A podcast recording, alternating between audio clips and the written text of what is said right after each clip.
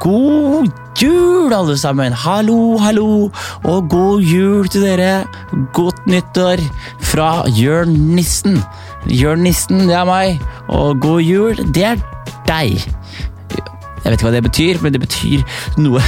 Jeg vil bare si at jeg håper dere har en eh, nydelig jul. Jeg håper dere har et nydelig nyttår. Jeg håper dere har hatt et fint år. Jeg håper dere har kost dere med podkasten. Det er ikke noe mer å, å, si enn det. Jeg lovte en nydelig lytter å ikke Å ikke gjøre de ekle introene mine. Det er det hun kalte det. Ekle introene. Og jeg er egentlig veldig enig med deg. Det er veldig ekle introer. Og jeg tøffer meg egentlig bare veldig mye. Og jeg skal ikke tøffe meg nå, for nå er det jul. Eh, og dette her er årets siste episode med, med Dennis Storhøy. Eh, noen tenker dere sikkert wow, hvem er Dennis Storhøy? Noen tenker dere wow, hvordan booka du Dennis Storhøy? Så Dennis Storhøy er rett og slett en legende. Han er en av Norges absolutt største skuespillerlegender. Eh, jeg hadde gleden av å spille med han i en film, og ble kjent med han og bli kjent med den varme, gode mannen Dennis Storøy, og gledet meg helt siden da til å booke han til denne podkasten. Det er over et år siden nesten nå, altså, men jeg har gledet meg helt siden da, og nå har vi endelig fått den på plass. Så jeg skal ikke plage dere mer. Jeg skal si god jul, og så skal jeg si godt nyttår. Og så skal jeg si at jeg håper dere har det fint, eh, og at eh, vi bare gønner rett på. Her er episoden med Dennis Storøy.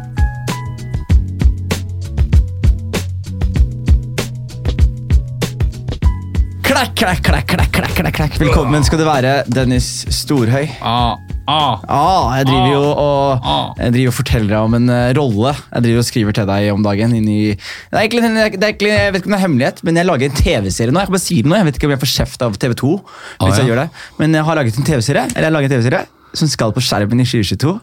Etter å ha hatt gleden av å spille i en film med deg nå, Ja. så er det sånn han der skal jeg jobbe med igjen. Så nå har vi skreddersydd en rolle til deg for å få deg skvist inn. Ikke skvist engang, for å få deg inn i dette universet her så mye som mulig. Hvordan går det med deg, Dennis? Ja, ja, ja, ja, ja. ja det er sånn. Eh, jeg, jeg har ikke noe svar på det for tida. Hvordan det går? Nei. Får du ikke jobba, eller? Jo, jo. Hva- Innimellom så gjør jeg det noen ganger, så, men jeg forbereder akkurat nå en, eh, en litt sånn kinkig eh, rolle. Jaha. For jeg spiller, jeg skal spille en polit, eller en LO um, en e- gammel LO-leder, ikke gammel, men en som uh, var en utrolig fantastisk og er en fantastisk person. Lever han? Ja, det er det. Han heter Yngve Haagensen. Ja, riktig. Og, og han, er, uh, han var jo liksom selve LO-lederen som snakka fra den berømte levra. Jaha. Uh, og han, uh, han har så mye i sitt liv at det er så, det er så vanskelig å på en måte vite hvor, på en måte, uh, hvilken retning jeg skal ta. Og så er det sånn prosess i huet. Ja, hvordan er det du begynner, da? liksom? Nei, Jeg begynner med han, for han lever jo. Ja. Så, og snakka med henne og vært hos han og spist bagetter og wienerbrød og gått gjennom masse bilder. Og masse sånn. Og han er ufattelig søt og utrolig skarp og, og veldig oppegående. Men du blir så respektfull. da. Det er så, det er så next level. Fordi det er, det er ikke bare sånn at du får en rolle, og så bare ok, men da gjør jeg det her. Du setter deg inn i det og gjør grunnarbeidet, liksom. Ja, ja. Så, eh, det er jo liksom angsten for å bli avslørt hele tida. Det fins hos alle. Alle har vel den. Ja. ja. ja. Ja, ja, det, er det der. Men du er jo, du har jo holdt på nå i Hvor mange år har du holdt på? Nei, øh, øh, ja, det er 35 Og den angsten fins fortsatt, eller? Ja, ja, ja. Kødder du ikke? Jeg kødder ikke engang. Nei, men altså, det, du begynner på null. Selv om du har fått, øh, bør jo ha fått litt erfaring på 35 år. Ja. Så, så, så sitter det en på skulderen som sier at det, og er sånn, nei, nei, dette er ikke bra. Nei, nå er det nå er ferdig, nå er det Ja, nei, dette, nå, nå er det slutt. Nå er det avslørt. ja, nå er det Nei, dette er også hver morgen så sånn Du jobber ikke nok, du jobber ikke nok. Nei. Kom igjen, kom igjen. Ja, faen, jeg, jeg, jeg har akkurat det samme. Og jeg, og det, ja, men jeg, jeg skjønte ikke hva det var lenger. Men så fant jeg ut Jeg, måtte, jeg googlet det, så fant jeg ut det noe som heter bedragersyndrom. Fortell. Imposter syndrom. Skal jeg lese for deg? Det er, Ja, det. det er, veldig, det er en veldig fascinerende liten greie. Dette er jo Istedenfor psykologitimen min ble vi jo enige om. ikke sant? Ja, jo, det er det. For bedragersyndrom, det er Skal vi se her Her står det på Wikipedia. Bedragersyndromet, eller bedragerfenomenet, Ja. er en populær betegnelse på et psykologisk fenomen der en person uten grunn og feilaktig opplever å være en inkompetent bedrager i sitt fag eller miljø, og er redd for å bli avslørt som det. Og det, når jeg leser den setninga, så er det sånn spot on, på meg i hvert fall. Ja, men det- det er en sånn slags uh, uh, Jeg vet ikke, man um, jeg, jeg husker jeg går veldig mye tilbake til, til uh, da jeg søkte liksom, om teaterskole for å bli det. Liksom, hva er det jeg tenkte da? Liksom, og sånt, for å hele tiden bare minne meg på at man er veldig heldig da, å få lov til å drive med den jobben. Og, og, hvor, for du er fra Fredrikstad. Og liksom hvordan, eh, hvordan, hvordan var veien inn? Fordi det, jeg, jeg husker liksom når jeg var på filmsettet med deg, så, så sitter jo eh, Dalsbakken, og så, så leser vi din eh, leseprøve. Ja. Og, og jeg veit jo ikke noe om noen. ikke sant? Jeg gjør research om folk etter at jeg møtte dem. Så er sånn, å ja, faen, La meg se litt hva han har gjort. da. Ja. Og så etter at jeg møtte så sjekka jeg hva du har gjort, og så er det sånn Å ja, det var ikke kødd! Han har jo spilt i film med Antonio Banderas og har vært skuespiller i mange mange, mange år. Så hvordan er det liksom en fyr fra Fredrikstad liksom ender opp med å, å ha lyst til å gå den ruta der? Da, eh, da fikk jeg sånn kjempelyst til å lage en lyd for deg. Sånn, sånn flashback-lyd. Ja, men, ja, men det, det, var, det var helt topp! Det var helt topp. Så, jo, det var i de dager. Nei, eh, nei jeg, jeg, når jeg vokste opp, da, så, så øh, Faren min var sjømann. eh, og så ikke så mye til, men jeg fikk mye sånne pakker fra sjøen. Med, med sånn jussifruit og sånn Wrigley Spearmint fra statene, liksom. Ja. Dette var tidlig 60-tallet. Og så mora mi, og så sendte han plater. Sendte sånn jazzplater og Frank Sinatra og sånne ting som ikke var i Norge. Men når du sier sjømann, jobba han i sjøen, eller var han liksom Ja, altså Han jobba som elektriker først på båtene i, i Dokka, Ja. som, lå, som het Fredrikstad Mekkeverksted. ja. Der jobba det 3500 mennesker. Hvis du spurte hvor mange som jobber her, så sa de halvparten. så, men, så da lagt eh, liksom, det opplegget på, på elektriske på de båtene, så blei han med da ut på, på sjøen, og så passa på vedlikeholdt og sånt noe. Så han var eh, mye borte. Jeg tror ikke han var i land før jeg var seks år. ja. Men, men eh, det gjorde jo at eh, vi fikk liksom vi fikk mye musikk. Han var veldig interessert i musikk, da, så han kjøpte mye musikk i staten og sånn. Så det ble mye, mye eh, Mora mi og jeg dansa og musikk, og så hadde jeg en farfar eh, som bodde i første etasje, som var døv. Ja. Og han var en sånn eh, fette smart fyr. Og så var han veldig glad i, i han var veldig glad i meg. Eh, Og jeg var veldig glad i han. Og han eh, drev med sånn pantomimer og sånn. For han, han kunne jo ikke høre så han, han lagde masse sånne rare sketsjer med eh, sånt noe. Så Og det var liksom det jeg begynte med å opptre på skolen da jeg var sånn sju-åtte år. ikke sant? Var liksom papegøye. Uh, Sånn der, jeg er i innboks nå. ja, ja, det var sånn, ikke sant? Altså, men det var, det var liksom, det lå alltid et eller annet inn. altså var Onkelen til moren min var kinokontrollør, og han slapp meg inn på kinoer. og Jeg fikk se filmer som liksom ikke jeg skulle ha sett, liksom. Eh, og så lang eh, story kort, og så når jeg kom liksom til jeg var sånn 17-18 år, så skjønte jeg at den drivkraften var, var der. liksom. Men det var jo ikke snakk om, det var jo ikke noe internett, det var jo ikke Nei. noe som sto om teaterskole eller noen ting. Og så var det mora mi som heiv meg inn på sa at ta og søk den Romerike folkehøgskole. ja. Eh, Så kom jeg dit, da, og da møtte jeg jo folk, og unge folk som var interessert i alt sammen. Og det var jo 24-7 bare jobbe med det. liksom. Og da fikk jeg for første gang stå på scenen og skjønte faen, dette her er noe som jeg kunne tenke meg. Men jeg skjønte jo også at veien til å drive med det var, ble lengre og lengre jo mer jeg visste om det. ikke sant? ja. Men så, øh, så bestemte jeg meg for at det, det- Og det tror jeg har fulgt med det at for alle folk var sånn ja, du, Det var jo så mange som søkte, og det var bare åtte som kom inn. ikke sant? Og så sa jeg men faen, noen må jo gå der.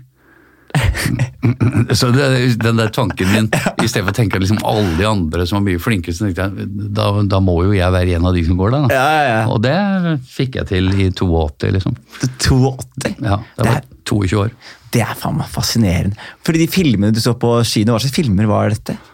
Eh, Det du så Når du, mora di og deg så på Altså, det første filmene jeg så, var liksom sånn eh, Jeg tror eh, Jeg så en del sånn evergreens som er nå, da. Med, jeg liksom så Brando og sånn tidlig på liksom 70-tall, Gudfaderen og Og jeg husker det som var satt langt inni meg, var sånn Alle presidentens menn.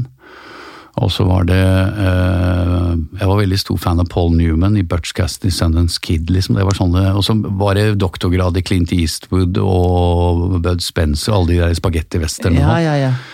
Men det, det er, jeg, var jo i Romerike her om dagen og gjorde standup, lærte de å gjøre litt standup. Oh, ja. Ja, så, så den folkeskolen henger jo, og så har jeg venner som går på teaterskolen nå. Vi kommer ut av det nå. Ja. Så det er gøy å se at disse institusjonene som fikk deg inn i 1982, fortsatt er oppe og nikker og med vei inn for folk fortsatt. da. Ja, ja, ja. Og det var jo de, de, Teaterskolen var jo liksom Det var jo den eneste skolen også på den tiden. Det var ikke noe andre tilbud enn den. Skulle du bli skuespiller, så må- måtte du enten få en sånn praksisplass på et teater. Ja. Uh, og der kjente jeg ikke miljøet så godt, så det var liksom å prøve å komme inn rett inn, liksom. Men hvordan var det, var det eh, Fordi du flytta til Oslo da, du da fra Fredrikstad til Hønefoss? Også fra Hønefoss til Oslo? Nei, nå er du på Ringeriken, du. Ringeriken, beklager jeg. Det er der. Romerike, der på Jessheim. Det er på Jessheim. Så du Ja. har flytta fra Fredrikstad til Jessheim, Ja. og så var du Jessheim, og så flyttet du inn til Oslo? Nei, det var litt sånn annen vei. fordi at når jeg var ferdig med Romerike, så var det den gang eh, plikttjeneste i Forsen. Ja visst, ja. Så jeg måtte innom jeg var Fra, fra Romerike folkehøgskole så dro jeg ca. 1 km ned til Sessvollmoen på, på rekruttskole. Fra å være en pudding med fløyelsbukse på folkehøgskole, så ble jeg liksom rett inn i sånn hæren. Uh, Ja. Og så endte jeg i Garden. Så jeg sto utafor Slottet og sånn med Skaugum og sånn. Og så fikk vi kjørt masse sånn helvetes fysikk og, og, og psykisk og mentalt og alt det greiene der. Og så eh, kom jeg ikke inn. Jeg søkte tre ganger På, folke, eh, på teaterskolen. Ja. og Første gangen var dårlig, andre gangen var bedre, for da kom jeg til annenprøve. og Det var liksom på slutten. Ja. Og så eh, måtte jeg ha et sånn mm, praksisår, eller finne ut hva jeg skulle gjøre i mellomtiden. Så jeg gikk et år på en lærerhøyskole, Ja. Uh, og skjønte at det ville jeg ikke bli. Nei. Og så kom jeg inn. Hvordan var eh, Garden? Garden var eh, interessant. Ja, var det ikke? Fordi det var under den kalde krigen, var det ikke det? Jo, at da det, altså, Muren eh, gikk i 89, Ja. så dette var i 1980. Eh, så vi var liksom Det var en annen type tjeneste enn det er nå, liksom. Eh, var mer sånn helvetesuke og, og Men jeg syns det var utrolig interessant, da, for du fikk testa noe som du aldri får gjort ellers. Teste hvor psyken ligger, liksom. Ja. Det er litt for seint for meg å teste nå. Nei, det er aldri for sent for noen. Aldri Ja, men, bare, bare, men så, en helvetes syke nå, å fryse ute i skauen og få frostbitt på tærne Ja. uh, Ja, eh, men det er utrolig hva mennesker kan eh, klare. Er det ikke det? Ja, når, når du blir satt i en situasjon som, eh, som ikke du, du ikke har kontroll over, så må du liksom følge det, og da er det teamwork på, på liksom 100% da. Du er så avhengig av gjengen din, liksom. ja, ikke sant? Og det er jo det vi driver med òg. Ja. Når vi driver med enten film eller teater, eller sånn, så er det jo bare teamwork Det er det. Foran og bak. det er, men, men, og man glemmer det. Eh, Noen har en tendens til å glemme det. men så, som, Jeg hadde jo gleden av å lage en TV-serie, som var noe jeg hadde lyst til å gjøre i veldig mange år. Ja. Og når jeg fikk lov til å gjøre det, så plutselig så, så kom folk og bare jævlig bra jobba, Jonis. Så jeg sånn, wow, nei, nei, nei, det er ikke meg! Det er, det er de 23 menneskene Ja. som har jobba ni til seks Ja. hver dag i tre måneder for å få det her til å bli det det ble. da. Jeg har bare vært krydderet. altså, Ja. og, og liksom, man har jo vært en brikke i det selv, Nettopp. men man er en brikke, da. Man er ikke hele spillet. Og det er så fint å å erkjenne, liksom, for det er jo lett at man eh, noen ganger frista til å tro at man er Guds gave til menneskeheten. så så det, er jævlig, det er veldig godt å ha den der fellesnevneren rundt seg. Det er da den stemmen på Ja, da- hodet da- har ikke nytte, vet du. Da er det mer sånn, Ro deg ned nå, sør. Du er ikke helt eh, Maradona nå, slapp av nå. Faren min pleide å si Bob, Bob. Bob. Bob, så Ja. rolig, liksom. Ja, ja. Faen, jeg skjønte at den tok han litt opp i huet. Ja, men, så, men jeg, så, jeg, jeg så jo Jeg hørte nylig på en podkast om Arne Treholt. Eh, sitt spennende liv. Jeg syns det var så utrolig fascinerende. Men det jeg syns kanskje var enda mer fascinerende, var måten de omtegn, omtalet Oslo på. På eh, slutten av 80-tallet. og starten For det var jo bare et helt annet Oslo. Ja. Så jeg synes Det var så gøy, hvor det var sånn der, det var en kro på Vinneren, og så var det en pub ute på Bøhler. Altså Byen var mye større, virket det som. Og at det var, folk, at det var bare en helt, virket som en helt annen by. da. Ja. Så det å være da en ung, energisk Dennis som kommer ut av eh, militæret og prøver å bli skuespiller, hvordan var liksom møtet med Kristi Oslo? Kristiania, holdt jeg på å si. Det var, ja, Kristiania, men Oslo var sånn som du sier, at det var litt sånn som uh, Derfor jeg elsker å se de Olsenbanden-filmene når de kjører rundt i Oslo og sånn. Ja. For det var en, en eh, De kalte det for verdens største landsby. Ja. Uh, For det er liksom den der halve timen så er du i marka, liksom, og så ellers er det en uh, hovedstad. Men det var sånn som at det var bydel for bydel, så du hadde liksom Sagen og Grünerløkka. Og det rareste var, og det hørte ikke jeg forskjell på, men Oslofolk sa det at du kunne høre forskjell på dialekt fra Torshov til Sagene til Bjølsen til, til Majorstua til liksom vinne, Vinneren og altså, du, hørte, du hørte de hadde sosiolekter hele veien. da. Kult. Og da var jo mesteparten av folk mer fra Oslo enn enn det er nå, for nå er det så mange innflyttere. Eh, Så det var en Og liksom restaurantmiljø, så var det Vi gikk på noe som het kasino, som lå ved siden av der gamle norske teatret lå, og det er Christiania teater nå. Ja. Der lå Norske Teatret. Riktig. Og så var det den eh, kasino ved siden av, der var alle kunstnergruppene. Eh, Så det var på en måte eh, del to av teaterskolen. Det at Først var det på skolen, og så gikk du ned dit og fullførte kvelden med utdannelse. Ja, ja, For der var det forfattere, skuespillere, eh, musikere, eh, altså poeter det var, det, altså, altså alt av hele kunstnergruppene var der. Fy flate. Ja, Det var så brunt. Hvordan, Hvordan, fordi akkurat det der, Når jeg hører om sånne ting, så blir jeg så sjalu. da. Fordi du hører alltid sånn der, I New York så var det den kunstnerbaren, og i London så var jeg der nylig, så var det og her er alle komikerne og poetene, og det er samles de. da. Ja. Og så i Oslo så er det sånn Man har Men det er så splitta Ja. i forskjellige miljøer, Ja. så man har liksom ikke muligheten av å samle så mange kreative. Hvordan var det da, når man sitter der inne og du vet at liksom, her er det forfattere og kunstnere og musikere og skuespillere. Var det en sånn felles forståelse eller et felles mål om å eh, forme eh, byens uttrykk eller landets uttrykk? jeg tror ingen tenkte såpass på det. Det var bare sånn. Det var bare sånn, Ja, Og, og jeg tror det, det er en Jeg skal ikke si noe som, eh, siden jeg er 60 år, noe negativt om sosiale medier og, og sånn. Eh, Men jeg tror det at det, før så brukte du mer sansen i forhold til at du Det var bare fasttelefon, ikke sant? Og det var ikke alltid du kom i kontakt med folk, for folk var jo ikke hjemme. Enten så var de på jobb, eller så var de ute og på skole eller sånn. Så du gikk jo på, på feelingen Treffer jeg den, eller Noen ganger hadde du selvfølgelig, altså du hadde jo avtale, er ikke det. Men noen ganger så hadde du sånn Jeg drar dit jeg for å se om han eller hun er der. ikke sant? Og så ble på en måte kvelden litt mer eh, ut fra det er som å gå på en, et sted hvor det plutselig blir en fest som du ikke har planlagt. da. Og det er litt hyggelig. Ja, ikke sant. Det er ikke alt som er planlagt. Alt er litt sånn du tar det på sparket. Treffer du ikke den, så treffer du den neste gang. altså, Ja. Skjønner du? Og så var det en tid hvor hvor man kunne gå på altså Jeg må innrømme at jeg tar meg en røyk. Ja. Og den gangen kunne gå på en bar aleine, sette deg med en eh, avis, en pils, en røyk. Og i løpet av den kvelden så ble du kjent med så mange mennesker. Fordi du satt Det var en helt annen måte enn i dag, hvor du må liksom avtalt og all, eller Ja. alltid gå to og to eller tre og tre ut. da. Og sitter du alene, så er det sånn weirdo! Ja, det var jo weirdo, altså. Og, men du kommer liksom i kontakt med så mange forskjellige mennesker. Da. Og sånn var det litt på, på håndverkerne at eh, Håndverkerne, nei, det- sorry, eh, kasino. kasino. Eh, At når du gikk dit, eh, så, så var du liksom Du visste at du var helt rookie, du var helt fersk. Så du, du var veldig ydmyk for den gjengen og satt og lytta kanskje mer enn du snakka i førsten. Da, på en måte, Ja, skjønner du hva jeg ja, mener? ja. Så det var, eh, du hadde liksom en litt sånn prøveperiode Mm. til han der dørvakta som alltid sto der som et Midtskogen, som hadde tre fingre og var krigsveteran. Han visste absolutt alt om alle.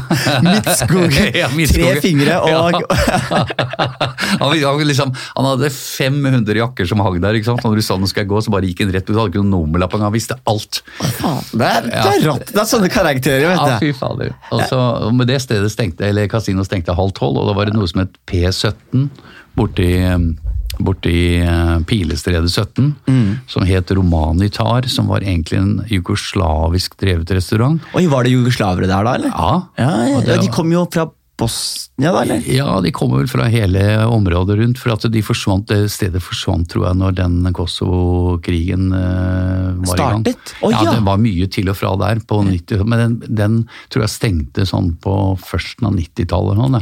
Riktig. Men det var et sted som var oppe til halv fire. da. Så det var liksom mulig å forlenge kvelden. Det var ikke så mange restauranter i Oslo som var oppe så lenge. Nei, fordi En annen ting jeg også lurer på, hvordan var kultur altså, Føler du at skikkene har forandret seg? liksom? Fordi sånn som, Jeg har jo alltid sett for meg unnskyld jeg sier det, men at sett for meg at det, de eldre generasjonene var veldig mye som at det var ikke så lett å for eksempel, ta med seg kvinnfolk hjem. At det var ikke så lett å eh, fordi var, jeg, jeg bare har et sånt inntrykk av at ting var mye mer sånn eh, eh, Litt strengere, men da tar jeg kanskje veldig feil, Ja, det, vet, det kommer helt an på hva du eh, Jeg følte at når du kom til Oslo på, på 80-tallet, så var det helt andre regler enn å være i en liten by. da. Ja, ikke sant? Ja, Ja. her var det mer, der var det mer usynlig, du kunne gjøre mer ting som på en måte ikke var eh, Du kunne uh, gjøre litt mer hva du hadde lyst til, syns jeg. Ja, ikke Men sant? i, i, i småbyer så var det nok mer det at hvis du skulle gå inn på hotell sammen med en, eh, en dame, liksom, Mm. så fikk, var det vel sånn at de måtte spørre var du, er du gift, eller det var sånn, de måtte vise sånn. så det, det var ikke akkurat sånn i Oslo. Nei, ikke sant. Nei, fordi, det, fordi det, det jeg tenker på som er, Jeg synes det bare er litt sånn fascinerende hvordan bare den samme byen har altså, som du, Når du går gjennom Oslo Nå, du har vært her i 30 Nei, du har vært jo 30 Jeg ble jo snart 40. Ja. 40 år, ja. Ja. Når du har vært her nesten i 40 Hvordan er det du, bortsett fra sosiale medier og røykelov, da, hva er det du på en måte ser på som de største eh, Kanskje først start med negative forandringene? Nei, altså det som, Jeg vet ikke om jeg skal si Jeg syns utvikling er jo spennende. at det, altså Verden må utvikle seg. Og for oss som var et, eh, et i forhold til liksom Europa, da, så var jo Norge ganske sånn Det var jo litt, det var litt fattigslig. Det var jo mye fattigdom i Norge. Eh, og vi misunte vel ganske mye liksom over grensene med at de hadde liksom kafeer og alt mulig som var litt mer sånn Og så mat som ikke var bare husmannskost og sånn. Ja, ja, for husmannskost var det jo masse av. Masse. Ja, kjøttkaker og, og grønne hjertestuing og sånn. Og så kom jeg, jeg husker de første kafeene kom sånn rundt eh, 85. Det var, Jeg tror det var Kafé Sjakk Matt eller noe som var det første. Ja, den fins jo fortsatt, den. Ja da. Ja. Men da fikk du liksom kaffe latte. Det var noe sånn kaffe latte, var det? Altså kaffe med melk, mener du? Ikke sant? Så det var liksom Men det følte liksom at nå begynte vi å bli en del av Europa. Det var liksom ikke, måtte ikke bare dra til Paris for å sitte på en fortausrestaurant, liksom. For det var, da åpna liksom restaurantene ute og sånn, så det ble mer liv, da. Ja. Eh, Så vi har jo, det har jo skjedd enormt med Norge siden den tiden, matmessig, kulturmessig, alt mulig. Og det har jo vært til det gode. Men dere som var i kultur La oss si dere en, en gjeng som satt på kasino. da. Var ikke dette her en gjeng som eh, på en måte aspirerte til utlandet? Dro til utlandet? Jeg synes Jeg for meg, Hvis man er en kunstner i Oslo mm. i, på 80-tallet, at, man, eh, at man på en måte kanskje søker litt europeisk høykultur? Russland og Frankrike og England som på en måte Der, der skjer det jo så mye. Jo, altså det var mange som hadde både skoler i Frankrike, England øh, og, og hadde Men du må tenke at for det første så var jo Norge det var én statskanal på TV, det var NRK, liksom. Og det var ikke, det var jeg tror det første kabel-TV kom ut i sånn 84, hvor vi begynte å få Sky, sånn, øh, de der sendingene med video og musikk og sånt. og Det var helt revolusjon. Og så var jo flybillettene dritdyre. Ja, hvor mye hvor dyre snakker vi? Ja? Nei, vi snakker vi eh, det var liksom, altså Skulle til London, så kosta det liksom altså Det var ikke så høye lønninger heller. ikke sant? Så, sånn proporsjonalt så var det jo veldig dyrt. Ja. Eh, Når jeg var på teater, så hadde jeg vel utbetalt liksom sånn ja, På 80-tallet, ferdig 85, jeg tror jeg hadde utbetalt uh, 4000-5000 i månedene. ja. 3000-4000 i måneden, liksom. 3000-4000 i måneden. Ja. Kan du, eh, hvis du skal ta høyde for inflasjon, hvor mye kunne du, hva kunne du sett med 3000-4000 i måneden da? nå? Nei, hvis du tenker, da, hvis du går på den klassiske sammenligningsgrunnlaget som folk for å, for å ta seg en pils, da, Ja. så, så kosta vel Jeg tror i, i, i Når jeg var 18 år, så kosta pilsen 12,5 kroner. For halvliteren? Ja, og da tror jeg den kosta på sånn 80-tallet, siden den gikk opp til sånn øh, ja, 20-25 kroner da, Ja. for en halvliter. Og nå er vi oppe i 90 kroner nesten. Ja, det er nok det. Ja, så det er liksom sånn i forhold til perspektivene så var det Jeg tror husleia mi var i 82 var 500 kroner måneden Ja, på ikke sant. det. Fredensborg. Så det var jo helt Og, på, andre og Fredensborg koster jo nå 9000-10 000, ikke sant? Ja, så du, da blir jo på en måte Ganske stor forskjell. Ja. Mm.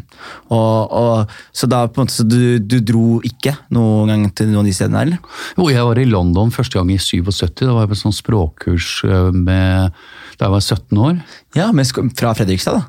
Ja, nei, Jeg meldte meg på sånn språkkurs som var fra øh, liksom, sånn Oslo, for jeg var veldig interessert i engelsk. Ja. Eh, Så jeg var i Bournemouth i et par uker, og, så, og da var jeg, jeg- da var, når jeg kom tilbake derfra, så var jeg, da hadde jeg jo sett hele verden, liksom.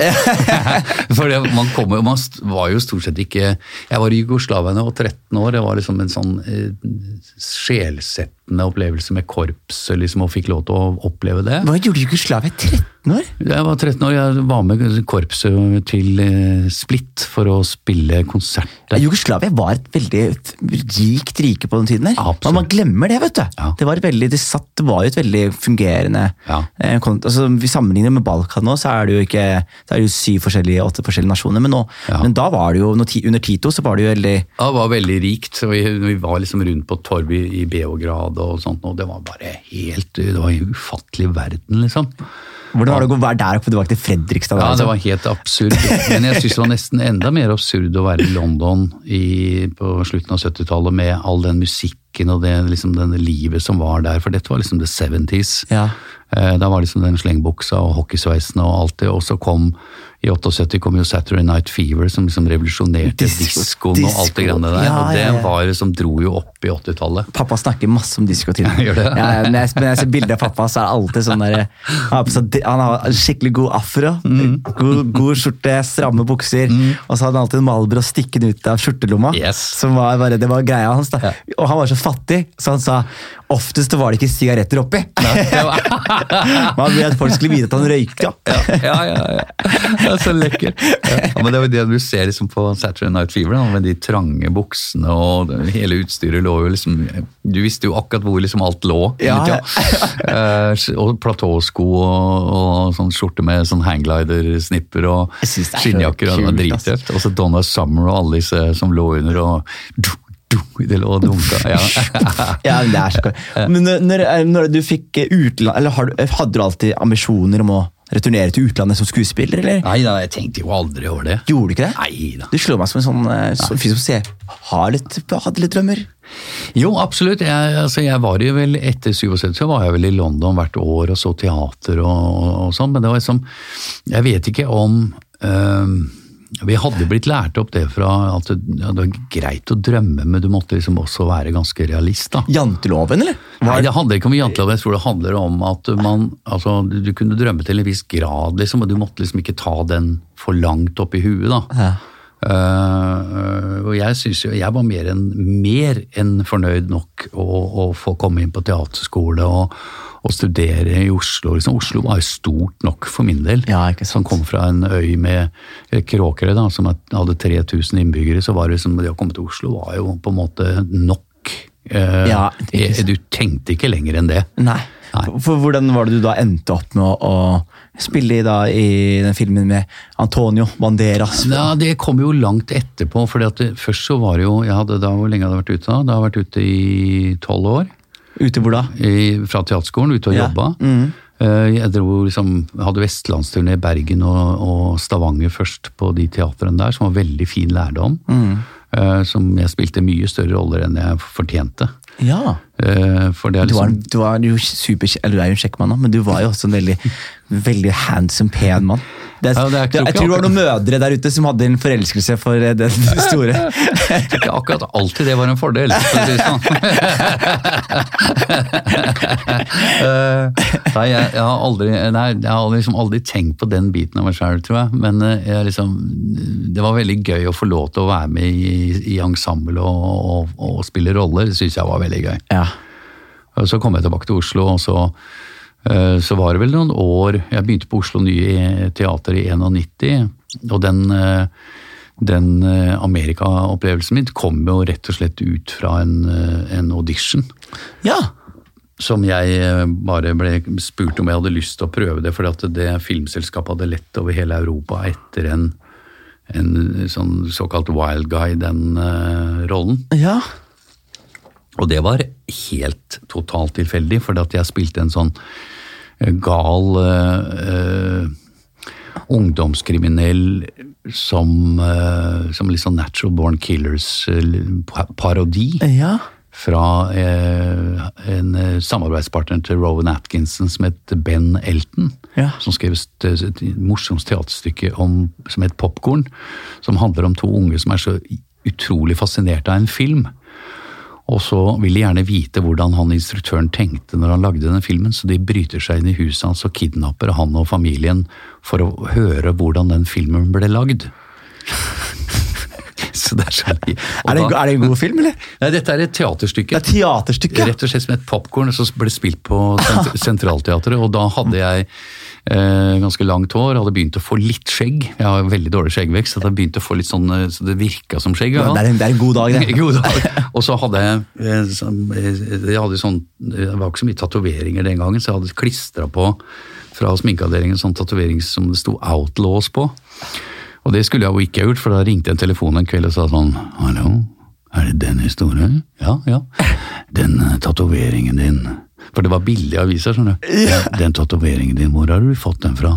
Nei, den er bare klistra på, liksom. på som vi hadde. Det syns jeg ikke du skal gå med. Sånn. Ja, hva mener du? Eh, Bare ta den av, du. Og så la han på. Da skjønte jeg oh shit. Det var det Outlast, da. det, var, det var the real one. Og de så var noen ganger så kødder du med virkeligheten som du ikke skal gjøre. Å, fy flate, så gøy. altså den stemmen da klarer ikke å etterligne. Oh, er sånn, er sånn, det gjør du ikke. Ja. ikke gjør det, Dennis. Ikke gjør det. Klar melding, egentlig. Ikke noe sånn diskutere sånt, men uh, ja, ja, ikke gjør det. Men så så innkalte meg til audition, og så var jeg egentlig så tenkte jeg at det var så Jeg tror det ja, For å være ærlig så tenkte jeg at den jobben der, eller den rollen der, den er umulig å få likevel. Og så slipper man seg løs og gir faen, og så skjer det som Apropos å bli avslørt, da. Ja. Plutselig så, så, så fucker du reality, liksom. Og så plutselig står du der og har fått en jobb som du egentlig ikke er enig i. Man går rundt og bare er sånn De kommer til å sende meg hjem! Men, men jeg er veldig nysgjerrig på det, for du, du har da hatt et komfortabelt liv. du. Du har Vært i Norge og kost deg, reist litt rundt, gjort det du elsker, vært i godt lag. Og så plutselig Og, og, ikke, og ikke liksom orket å drømme de der eh, tingene der. Du har kost deg. Oslo har vært stort nok. Ja, ja. Og så plutselig så er du på fly på vei til Hollywood. Ja. Hvordan var det? Eh, det skjedde så mye i den tiden at jeg, jeg tror at når det skjedde så Jeg var ikke klar over hva, jeg, hva det skulle innebære, liksom. Jeg syns jo det var veldig rart at alle telefoner ringte og Hadde Altså, du, hadde, du hadde ikke mobil? jo, den eh, første mobilen fikk jeg i 95. Var det en sånn dress Det var, nei, det var, det var, nå snakker du Motorola som kom på 90-tallet. Den- 95, de hadde ikke god Jo, jo, da kom den første Nokia. Eh, De første som var Det var såpass Nå viser jeg foran mikken. ja, ja, De som var som et slagvåpen. De som var Ja, det var som en sånn murstein, liksom. Og så de var det sånn antenne som du trakk ut sånn. Riktig, den der, ja. Ja. Ja. Grå. Ja, Husker jeg. ja, og, ja, ja. og der var det faktisk tekst og sånn. Du kunne sende tekstmelding, men det var ingen som Hvis du sendte en tekstmelding, så fikk jo aldri noe tilbake. Ut i eteren og vekk, men. Uh, og, så det var Det hadde jeg mobil, men den kunne du ikke bruke i Amerika. For det, det, Den norske, norske master, den. Ja, Telenor-nettet var jo Ja. nei, det var ikke noen mobil der borte. Det var en fasttelefon på, eller på hotellrommet, liksom. Ja. Ja. Og Hvordan var det, Reiste du alene? Nei, så eh, da hadde jeg truffet eh, Mona, som jeg er gift med nå. Ja. Og så når jeg var oppe i, eh, jeg var oppe i Wyoming for å møte instruktøren, for han ville ha en helg med meg og se om det, jeg var rette mann, Riktig. for å se om jeg kunne ri og sånn. Så han hadde en ranch med en haug med kyr og masse cowboyer som jobba for han. Så vi dro ut i, på slettene for å sanke inn kyr. Og jeg hang på en hest. Eh, og så hadde så Mona satt med at når du drar over dit, så ta med deg noen bilder fra, fra familien din? Og så hadde jeg med det, og så så Mona, og så sa hun "Ah, she, she, an actress? Nei, sa hun, eh, hun eh, jobber som eh, modell og sånn, ja.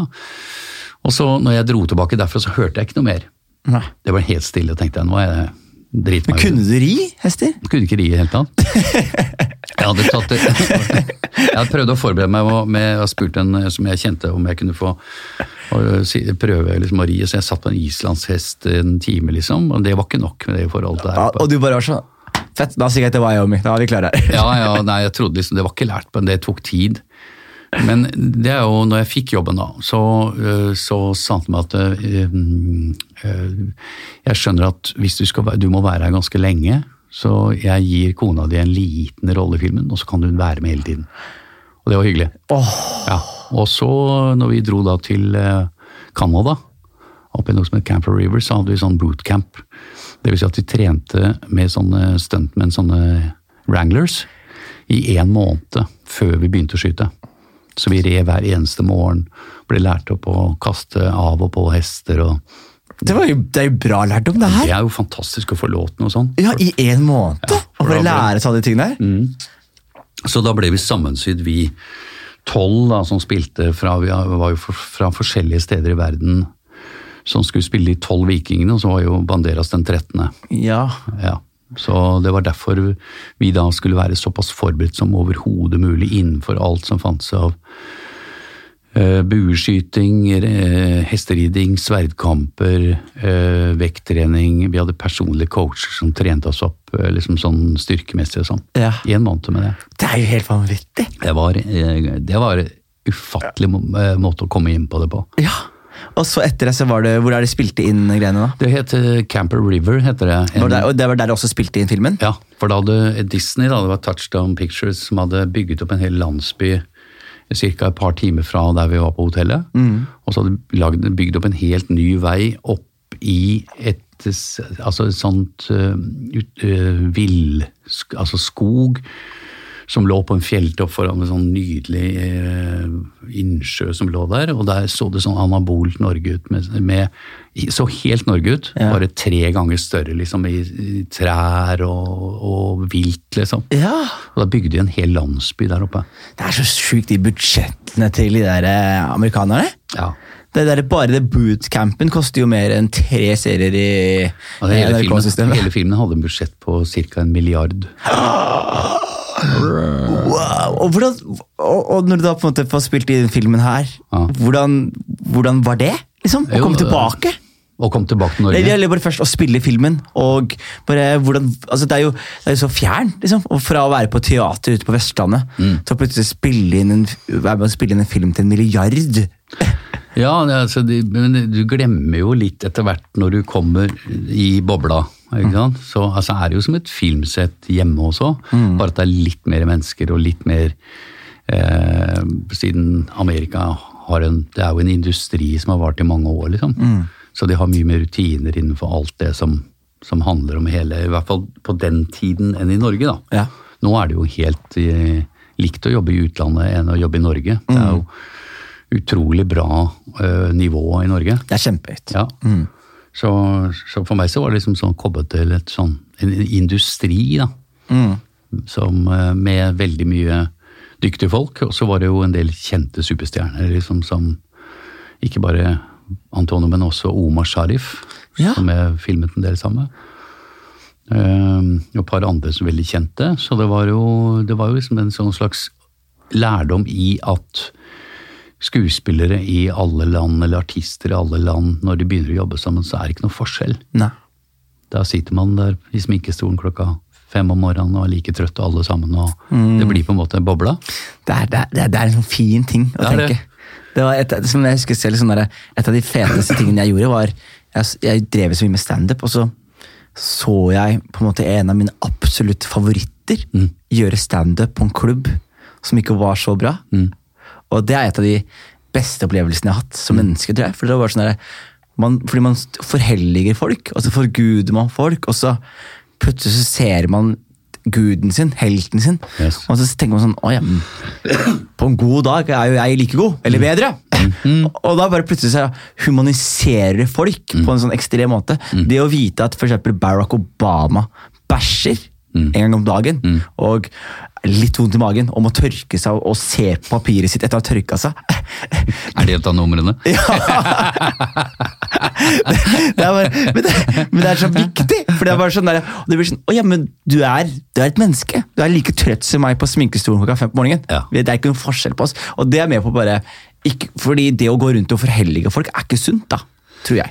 Nei, men når man ikke vet noe, det er jo det samme som eh, hva skal jeg si, alt det eh, som handler om det man ikke vet, er man gjerne litt redd for, da. Eller som du sier, forhelliger, eller opphøye folk, eller nedgradere folk. Det er, Ja. liksom, det er jo der alle konfliktene kommer. Mm. Så jeg synes jo, jeg husker i hvert fall første gang eh, de kom inn og sånn, AD kom inn og sa sånn Mr. Storhoy, uh, Mr. Sheriff and Mr. Banderas is ready for you.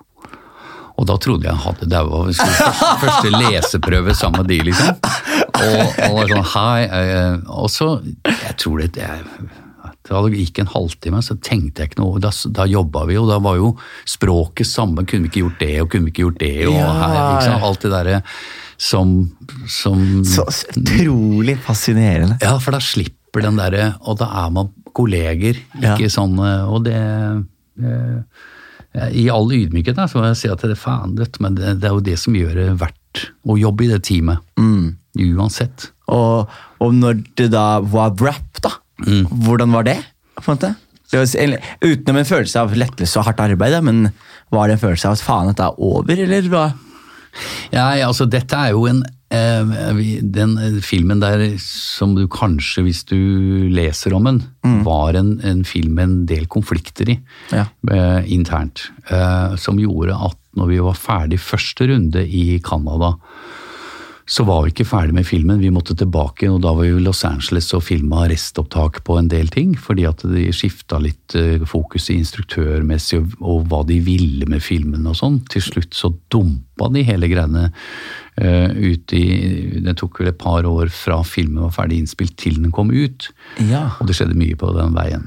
Eh, så vi plutselig kom til Los Angeles, og da var det eh, Crichton, Michael Crichton som var instruktør, for han var producer. Ja. Og så eh, skjønte vi at her har det skjedd mye rart. Og det kan man lese seg til, hva som Ja. skjedde der. Men, mm. men eh, da var vel jeg rimelig Jeg hadde fått veldig mye eh, lærdom på mange måter. Og så hadde jeg eh, to barn i Norge som jeg ikke hadde fått sett fordi vi jobba så hardt, og de, hadde, ville ikke sende oss av gårde, for de turte ikke, det var mye rart. Riktig. Og da Hvor lenge var det borte? jeg var borte et halvt år i Ja. første omgang, og det er lenge. Det er veldig når man har to barn hjemme, og, og da var jeg veldig, veldig, veldig klar for å møte de og komme meg hjem, liksom. Ja. Og så etterpå så dro vi tilbake igjen, og da var det liksom noe helt annet og mye. Men samtidig så tenkte jeg at det er noen, noen øyeblikk i livet hvor du må innse at det er gøy å være i en sånn boble av av en annen type sånn superstar-energi. Men du skjønner også at du har veldig mye å lære. Eh, og dette var actionfilm, og det er, det er ikke så veldig mye dybde i en actionfilm i forhold til replikker og sånn, og jeg skjønte at jeg hadde jeg ville, jeg ville aldri klare å jobbe sånn som de gjorde uten å ha mer erfaring, da. Nei, ikke sant. Ja. Og den erfaringen skjønte jeg at jeg ville få i Norge. Ja, Ja. ikke sant. Ja. Og du er jo helt fabelaktig nå. Ja, tusen takk, men eh, jeg tror det som var vel kanskje den største lærdommen, var vel å få lov til å erfare ting for å se hva man har. Ja. Ja. Ikke sant. Og hvordan var det Norge, var, var det noe eh, oppmerksomhet i Norge rundt dette? Ja, absolutt. Eh, Det var det. eh, Men det er klart, man, altså alle, både i Norge eller resten av verden, hadde håpet at denne filmen skulle på en måte få litt mer eh, gjennomslagskraft, fordi den handlet såpass mye om skandinaviske vikinger og sånn. Ja, ikke sant. Så det var litt sånn nedtur at den ble droppa i forhold til en annen film politisk og sånn. Ja, så jeg hadde, fikk litt sånn Jeg hadde lagt så mye energi i det, det her at jeg ble litt sånn slått ut at Var dette det, liksom? Ja. Men så kom det andre ting, og så begynte jeg å jobbe med, med Per Olav Sørensen, som jeg jobbet veldig mye med sammen med i forbindelse med uh, en del prosjekter, både teatermessig, TV-seriemessig og sånn.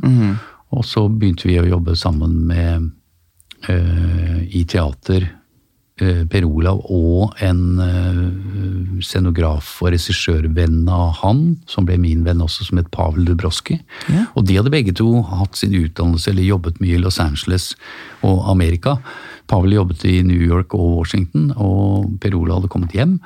Og så fikk vi liksom samme ånden i det, Ja. eh, og traff hverandre gjennom det. Ja, For du, du gjør jo både film og TV og eh, teater. Ja, På den tiden så var det mest teater. Ja, eh, Ja. Men når du sitter tilbake og tenker tilbake, hva, hva liker du mest? Å, det spørsmålet eh, liker jeg. Eh, fordi at eh, teater er liksom den grunnbasen min, tror jeg. Fordi at det, er liksom der du treffer publikum, og, og den prøvetiden og på en måte den samarbeidet Der applausen føles. Nei, det er ikke, ja, ikke bare det, men, den, men det å sy en historie sammen som du skal vise der og da, liksom i øyeblikket foran publikum, da. Ja. Det er, eh, det er en eh, fantastisk eh, opplevelse. Eller Den nerven som ligger der, og den kontakten med scenesal og alt det. Det er liksom, det er der alt springer ut fra, og så tar med den følelsen inn foran kamera. Og, og prøver å, og egentlig gjøre det samme, bare at da er ikke publikum der akkurat da på den måten. Det er samme som mikrofonen. men så er det jo også kutt. Jo, men når vi snakker i mikrofonen, så sitter jo noen nå, det vi sier nå, vil jo noen sitte og høre på. Og det er liksom, du snakker jo som en historie i dette her. Ikke sant? Det, så det er måten du liksom prosjekterer energien din, da. Mm. Men så er det jo det der, I film så er det jo kutt, og det er, og det er vers, og vær så god! Ja. Og det er kutt, og det er tar den tagningen på nytt. Mens teater så har det jo Det kan jo ikke ta det på nytt. Det er one take. Det er one take. Ja.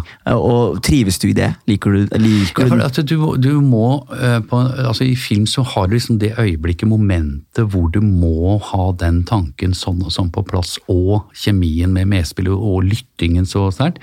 Samme har du i teater, men der må du hva skal jeg si, Du må trene så mye på de forskjellige elementene og finne på scenen hvor er de sterke punktene, hvem er status høyt, lavstatus, høystatus. Du skifter energier, hvem som kommer inn på scenen, hvem som går ut av scenen. Du skifter, så du må tenke på en annen måte for å, for å etablere det bildet, sånn at publikum Som jeg sier, den beste dramatikken er når publikum ligger foran deg som skuespiller etter ca. 20 minutter og en halvtime der du har gitt all informasjon, og så kan publikum begynne å engasjere seg i problemene du prøver å løse der oppe. da. Ja. Og, og det er jo Jeg husker jeg ble liksom de første jobbene jeg gjorde på scenen når jeg kom ut uh, til Bergen, det var å spille farser.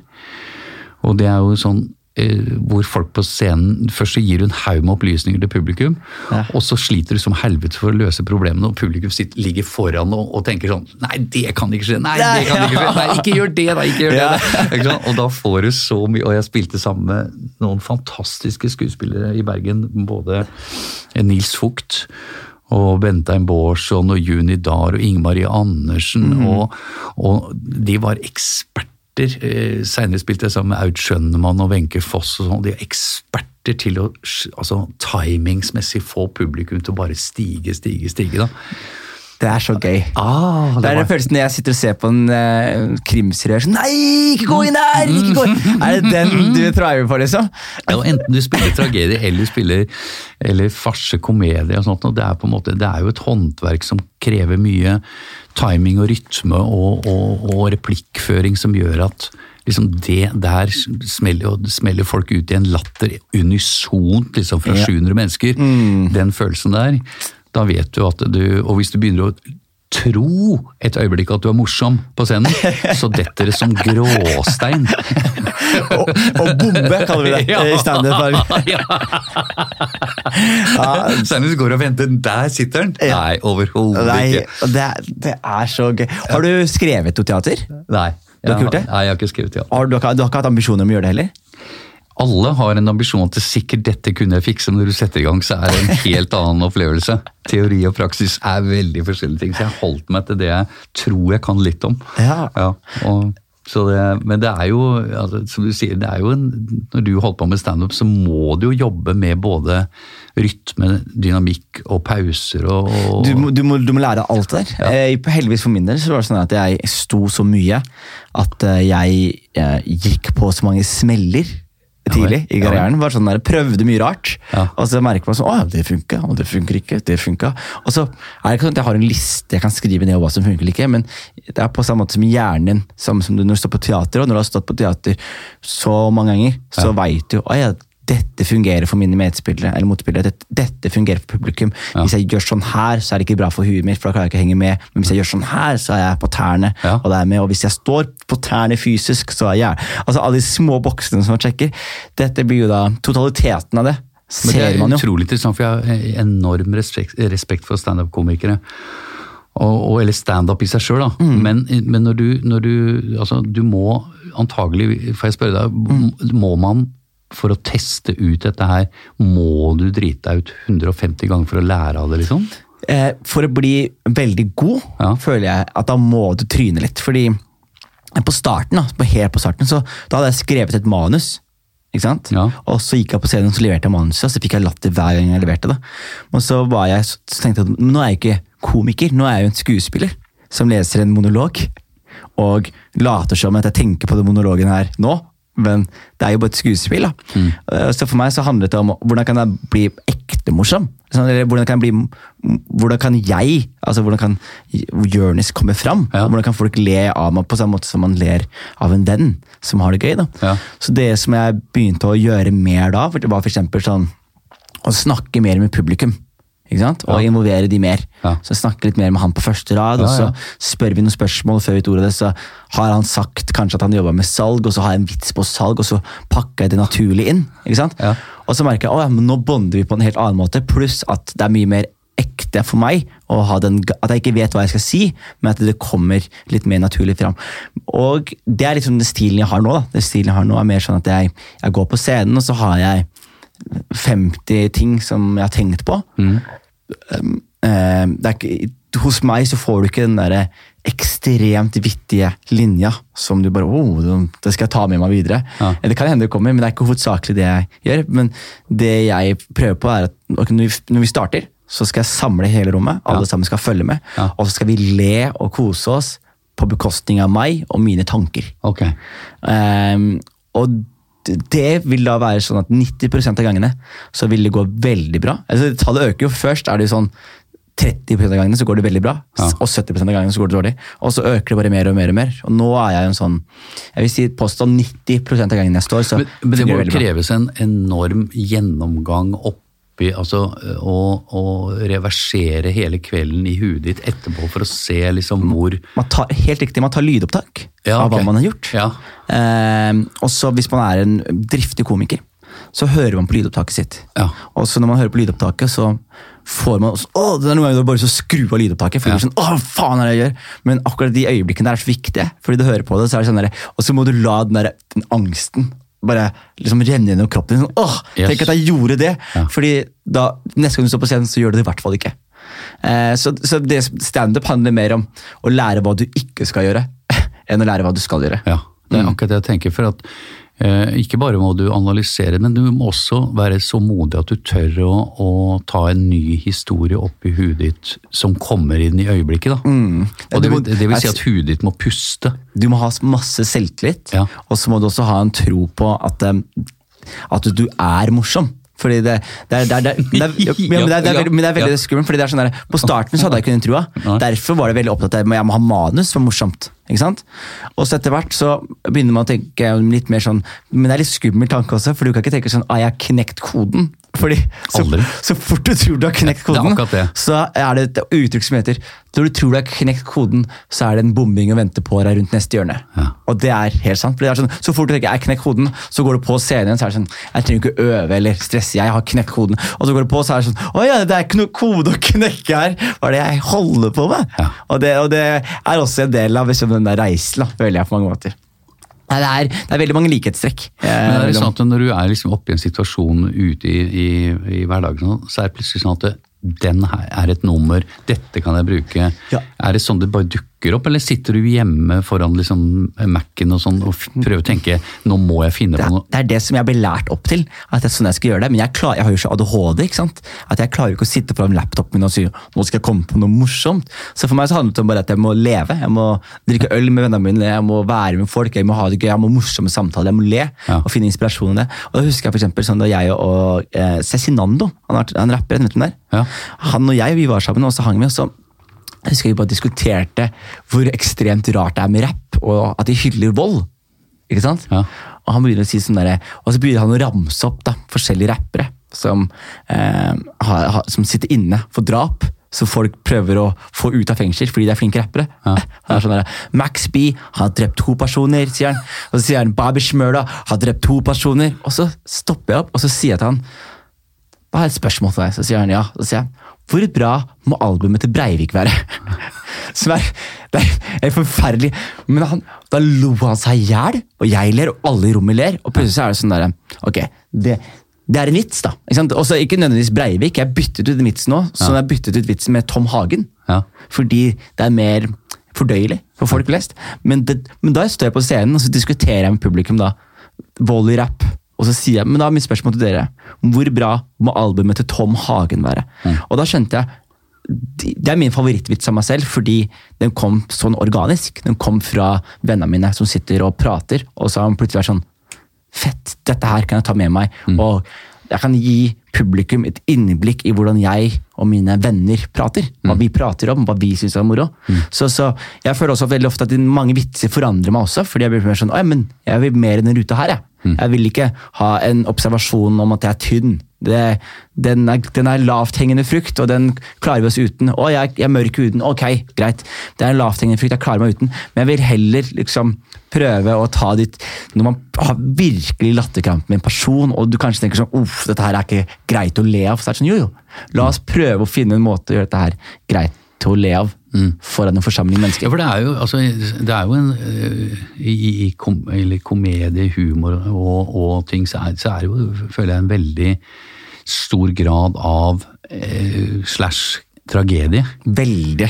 Det er, jeg, altså veldig mange av de komikerne som står på scenen, er veldig mange av de mest tragiske menneskene jeg vet om. fordi det er jo en- først og fremst en veldig ekstrem form for oppmerksomhetssyke. Det er veldig sånn, Spesielt når folk bare skal stå med standup om igjen og om igjen. Det er den derre Mine damer og herrer, ta vel imot Jonis, og så går du, så er det 100 mennesker som wow, klapper, og så får de til å le, og så er det sånn tusen takk, folkens, jeg heter Jonis Josef, tusen takk for meg.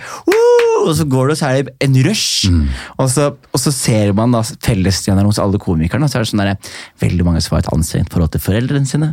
Veldig mange som ikke har, er mellomste mann i familien, ikke får nok oppmerksomhet hjemmefra. Det er veldig mange som sliter med ADHD, sliter med andre udiagnostiserte lidelser, som gjør at de har enten dette ut ja, fra sitt sosiale liv tidligere, eller ikke har hatt utløp. Så, så man merker at veldig mange søker disse, denne stimulien da, eh, i, i eh, humor. Og Det har jeg for eksempel lagt merke til, jeg spiller jo masse fotball, og det har jeg lagt merke til at alle som er komikere, vil være spiss og, og ving, og ta tunneler og skåre mål. Ingen, høy, ingen høyrebekk. Ingen høyrebekk, ingen høyrebekk og ingen keeper. Nei, ikke. Men aldri skåre mål og ta tunneler. Så jeg som sier mye om hva slags type folk det er. da. Det er fordi det er ikke, det er ikke den stabile midtbanespilleren, defensivt ankeret. Det er ikke den midtstopperen, det er goalgetteren som vil juble og, og bøtter inn. Og det kommer jo også fra det samme. Altså, så det er en veldig syk eh, jeg finner jo meg selv i den gjengen der. Og litt sånn som du sier, du hadde jo kasino med disse eh, kunstnerne på 80-tallet. Ja. Jeg, for eksempel, for å få den opplevelsen, så går jeg til en standup-klubb, og da vet jeg at da står det noen standup-komikere på scenen, og så står det mest sannsynlig tre standup-komikere bak. Jeg trenger ikke å kjenne dem, men vi bare vet at vi er standup-komikere, så da Jo, sitter men vi er, her og ikke, men er ikke det fellesnevnet for alle som på en måte eksponerer noe i enten det er i standup eller skuespill eller musikk, eller sånt, og så er det på en måte øh, Fellesnevnet er at ganske mange mennesker med, med arr på sjel og hjerte, liksom, som har funnet en øh, Jeg, vet ikke øh, det er jo veldig mange sjenerte mennesker som har et behov for å på en måte fortelle en historie, på en måte eksponere seg på en annen måte. da, I, Også i fotball. For jeg begynte også med fotball. Jeg la jo merke til akkurat det du sier, at det, det, sånn du ser liksom sånn Myggen på midtbanen, og sånt, som var jo på landslagspause hvor er Myggen som skulle ha noen kommentarer om førsteomgang, liksom, var ute og tok seg en røyk, liksom. Og jeg synes at Alle elsket jo det, han var jo et geni på, på banen. Ja. Så nei, det, er, det er veldig interessant, altså. Det er det, altså. Ja. Det er, jeg synes det er Det også bare er eh, vi, kan jo, vi skal jo rappe opp snart, du skal komme deg av gårde på et annet møte. Men Mm. du, du er jo veldig Westham-fan. Jeg er Westham-fan, vet du. Og jeg er Tottenham-fan, og vi har diskutert dette her opp igjennom. Men du fortalte meg eh, en historie når vi var på sett sammen, om at du for Vi snakket jo så casual om fotball, og så Mm. før jeg til Vesterommet så hadde du vært oppe i, på, hos Hammers og, og møtt noen av disse folka her og, og, og synget sanger for det. Ja, for fader, jeg fikk jo lov til å være med på en sånn, eh, sånn klubb på, siste, en av de siste kampene på Boiling Ground. da. Ja. For der på Upton Park, eller den der, jeg var jo der første gang i 77. ah, ja. Og jeg dro opp dit, jeg. Du var Western-fan når du var i Fredrikstad? Ja, fordi at det, den gangen så, så ble jeg tror altså Rett før tippekampene kom på NRK i 76, så årene før der så satt vi og hørte på BBC sånn, eh, på, med sånn Ja. dårlige forhold. Ja. Birmingham won, Manchester United nil. Det var sånn Og dere fulgte med på det? Ja, Vi hørte på resultatene før de kom til Norge. Når klokka var, liksom, eller, klokka var fem i England og seks i Norge, da, så satt vi og hørte på radio. Vi hørte på Radio Luxembourg, som hadde låter som ikke hadde kommet til Norge ennå. Ja. Det var liksom nesten sånn eh, forbudt radio. liksom Lå under dyna om natta. spennende! Og da kom det eh, noen blader som het Shoot, Ja. og der var det liksom om engelske fotballspillere, og så begynte tippekampen, og da tok det jo helt av. Og da var, hadde jo alle sin engelske klubb, eh, liksom sin favorittklubb, liksom. Ja. Og så, så blei det jo Westham, og jeg var jo jeg Hvorfor spilte- ble det Westham? Var det bare fordi Nei, det handla om de gamle Trevor Brooking, Bobby Moore og de som vant. Bobby Moore var jo vant VM i England 66, ikke Ja, sant? ikke sant. Og så, og så handla det om Billy Bonds, og det handla om de, de så ut som rockemusikere. Se bildet av Billy Bonds på, på 70-tallet, Ja. så ser du Dette ser ut som en popmusiker, altså. Ja. Dette var det 60, eh, 70s, liksom. Og, og det var mange sånne Det var veldig mange Frank Jeg Lampard. ser han. Han er jo helt sinnssyk. Ja, han så ut som den rockestjerna. Ja, ja, ja. Ja, ja, Og skjønner du, og Faren til Frank Lampard, han spilte jo på Westham. Ja. Og du hadde masse sånne, eh, sånne originale eh, typer, som, og det laget var en sånn hvor veldig mange spillere ble solgt til storklubber og ble jævlig gode. og sånt, Så Westham var på en sånn knytepunkt i Cockney-verden i, i London. da. Ja, det var mye opp- og nedturer. Ja. Det har det jo vært hele tiden. Det har alltid vært sånn eget hjerte. Når du er på Westham-kamper, så er det på en måte en familie. da. Ja. Og det er, eh, det er liksom Og, og, og du da var der i 77? Første gang i 77, så når jeg var på Upton Park og, og fikk, eh, hadde sånn, jeg hadde en musikervenn av meg som hjalp meg å, å orkestrere den I'm Forever Blowing Bubbles i en sånn litt annen versjon som jeg sto og sang for de med sånn playback på musikk foran spillere og sånn. Det var litt fett. Eh, så, men jeg, jeg må jo si at jeg, jeg har veldig interesse for fotball og prøver å få med så mye som mulig, men det, noen ganger så går det litt i Du får ikke kontinuitet til å sette alle kamper sånn når du spiller og sånn. da. Så, men jeg prøver, jeg syns jo fotball er veldig, veldig fascinerende. Jeg, jeg merker jo også som jeg er blitt nå med samboer Mm. og, og fått leilighet, og sånne ting, så har det blitt enda viktigere for meg å ta eierskap til Mm. Eller for sånn, Nå må jeg bare sånn jeg etablerer i forholdet vårt og i vårt samboerskap at ja, jeg liker fotball. Jeg ser fotball. Mm. Så det skal ikke komme som et sjokk når jeg sitter på sofaen en dag og ser Premier League en helg. Så, Ja. så det bare sånn, jeg har tatt enda mer eierskap til det. Ja. Og følger enda mer med på fotball nå enn jeg gjorde for typ to-tre år siden. Er ikke det rart? Jeg synes det har veldig akkurat det samme som deg. Det var en periode hvor jeg ikke hadde tid til å se noen ting. og så når jeg endelig fant tilbake til Premier League da, liksom. Det var, nå er det litt rart, da, den- med det- tilskuere som ikke er her. Altså. altså, Du, du skjønner hvor mye publikum har å si for enhver ting. Tottenham leder ligaen uten publikum. Ja, ja, og Westham ligger på femteplass. Er du klar over det? Westham ligger på femteplass.